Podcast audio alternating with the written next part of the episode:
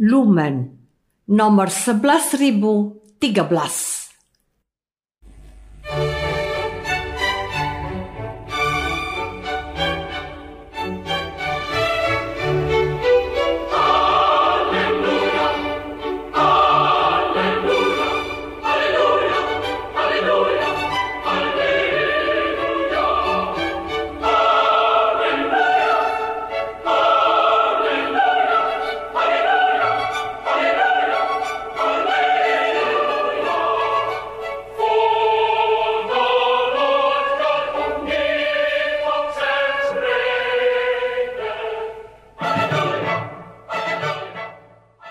Saudara pendengar di segenap penjuru tanah air, selamat bergabung dengan Lumen Indonesia. Lumen Indonesia siap melayani Anda setiap hari. Saudara terkasih, marilah kita bersatu dalam Tuhan kita Yesus Kristus yang tidak berubah dahulu, sekarang, dan selama-lamanya. Allah Sang Maha Rahim mengasihi dan menerima sebagaimana adanya kita Allah Bapa kita di surga senantiasa bersedia menolong, menghibur, dan meneguhkan kita dalam menghadapi segala permasalahan hidup sehari-hari.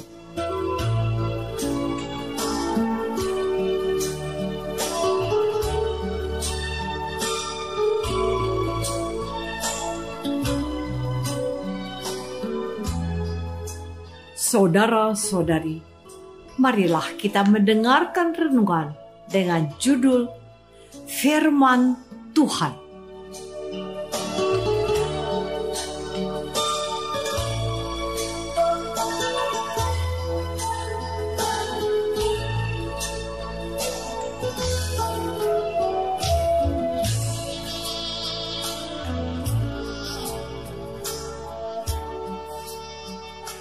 Yang berdasarkan pada Injil Lukas bab 10 ayat 16. Barang siapa mendengarkan kamu, ia mendengarkan aku. Dan barang siapa menolak kamu, ia menolak aku.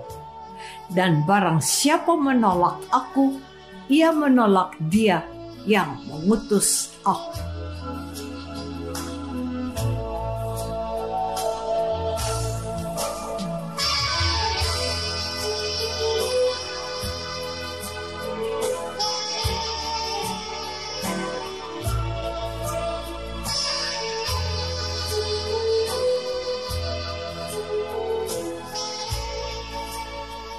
Dalam nama Bapa dan Putra dan Roh Kudus.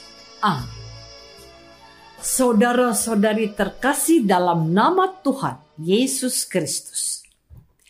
Warta Injil hari ini dikondisikan oleh kenyataan yang ditemukan oleh Tuhan Yesus bahwa di kota-kota yang selama ini mendapat perhatiannya ternyata tidak terjadi perubahan yang sesuai dengan harapannya. Tuhan Yesus mengadakan mujizatnya, baik di Korazim, di Bethsaida, dan di Kapernaum. Tetapi mereka tidak mau bertobat.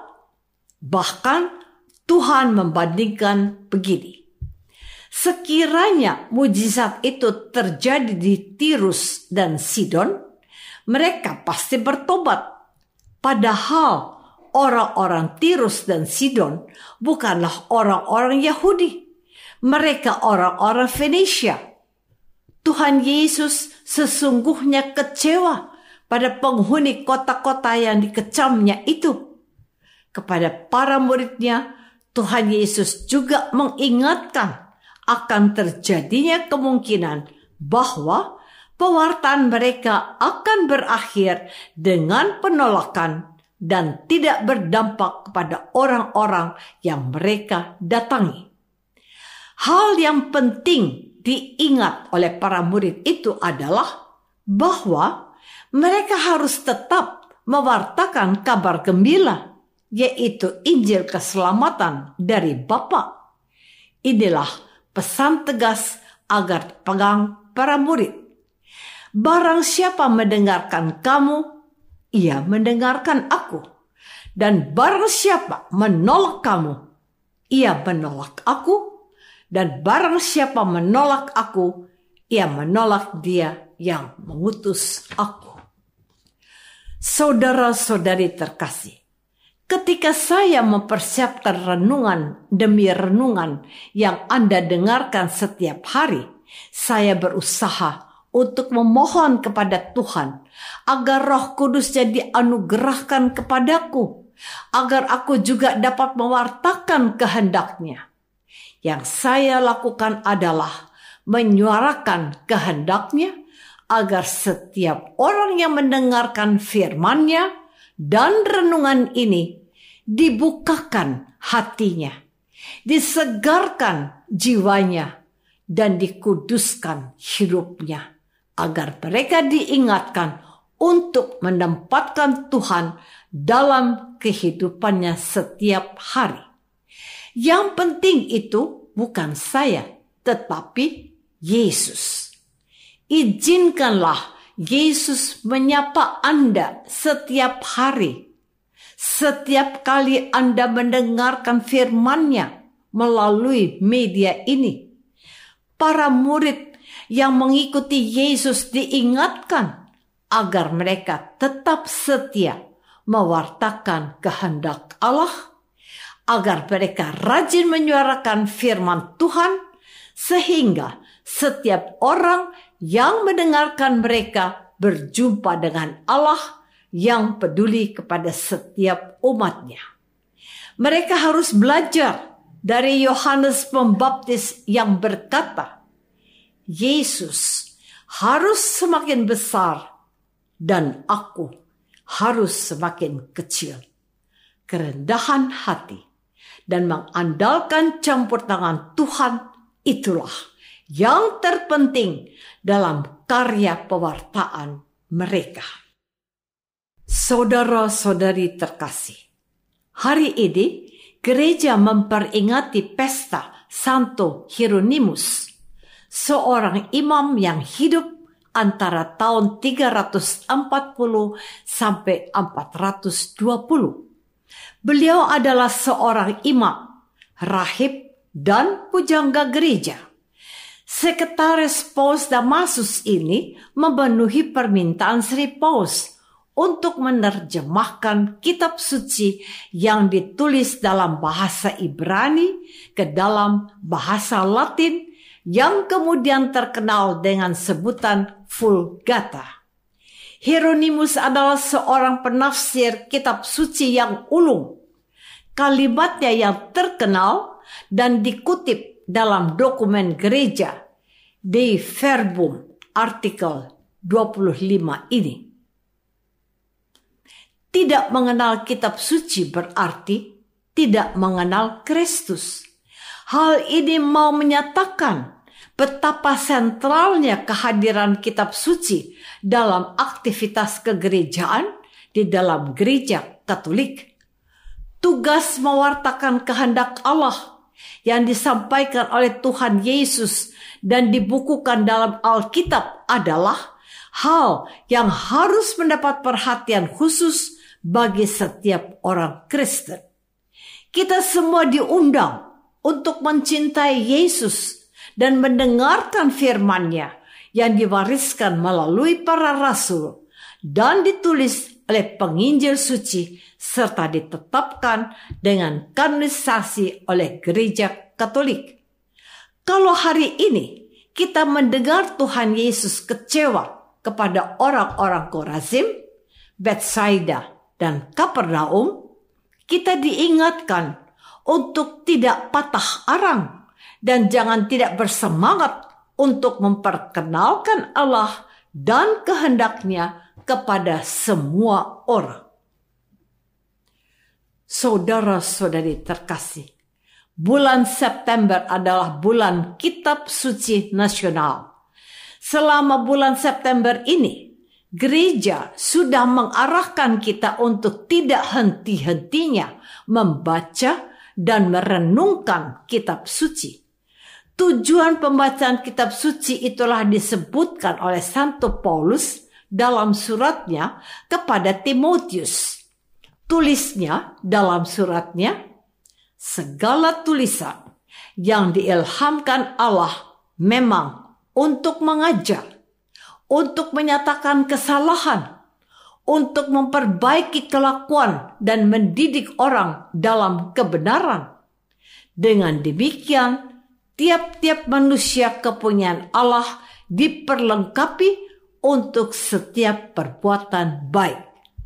2 Timotius bab 3 ayat 16 dan 17. Kitab suci adalah karya Roh Kudus yang ditulis oleh para penginjil agar pendengar dan pembacanya mengenal Yesus dengan baik sebagaimana ditulis oleh para penginjil suci. Matius memperkenalkan Yesus sebagai anak Daud, raja bangsa Yahudi. Matius bab 1 ayat 1 dan ayat 27 dan 37b.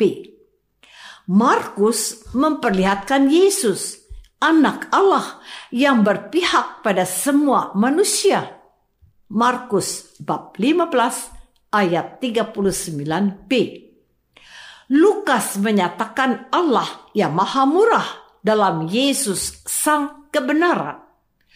Lukas bab 23 ayat 47. Dan Yohanes menyatakan Yesus sebagai firman yang menjadi manusia, putra tunggal kesayangan Bapa. Yohanes bab 1 ayat 1 dan 3 ayat 16. Meskipun bulan ini segera berlalu, janganlah kita berhenti untuk membaca dan merenungkan firman Tuhan dan mewartakannya juga dalam praktek hidup kita setiap hari. Yesus harus semakin besar dan dikenal banyak orang.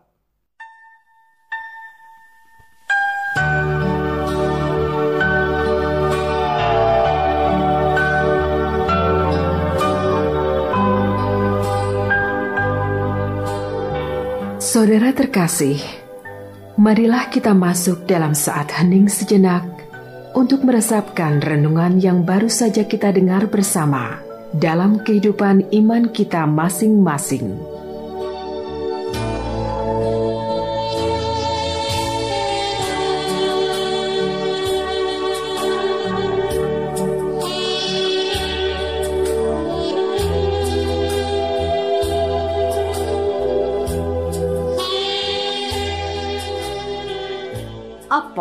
Aku selama ini sudah menempatkan kitab suci sebagai penuntun hidupku?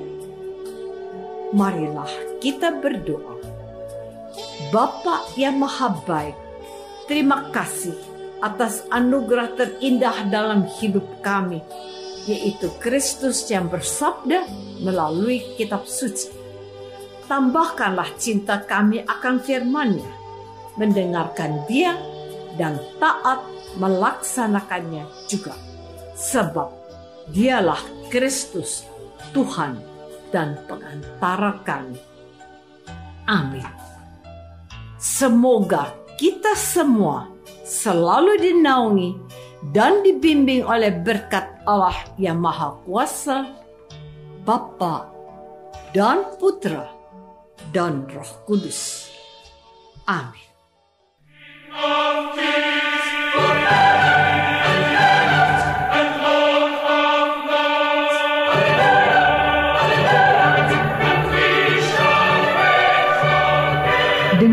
Kasih dan sukacita, Lumen Indonesia mengundang saudara-saudara seiman di segenap penjuru tanah air. Sekiranya ada tanggapan ataupun saran, kirimkan surat Anda ke Lumen Indonesia. Terima kasih atas perhatian Anda. Sampai berjumpa lagi dengan Lumen Indonesia pada waktu dan gelombang yang sama esok hari.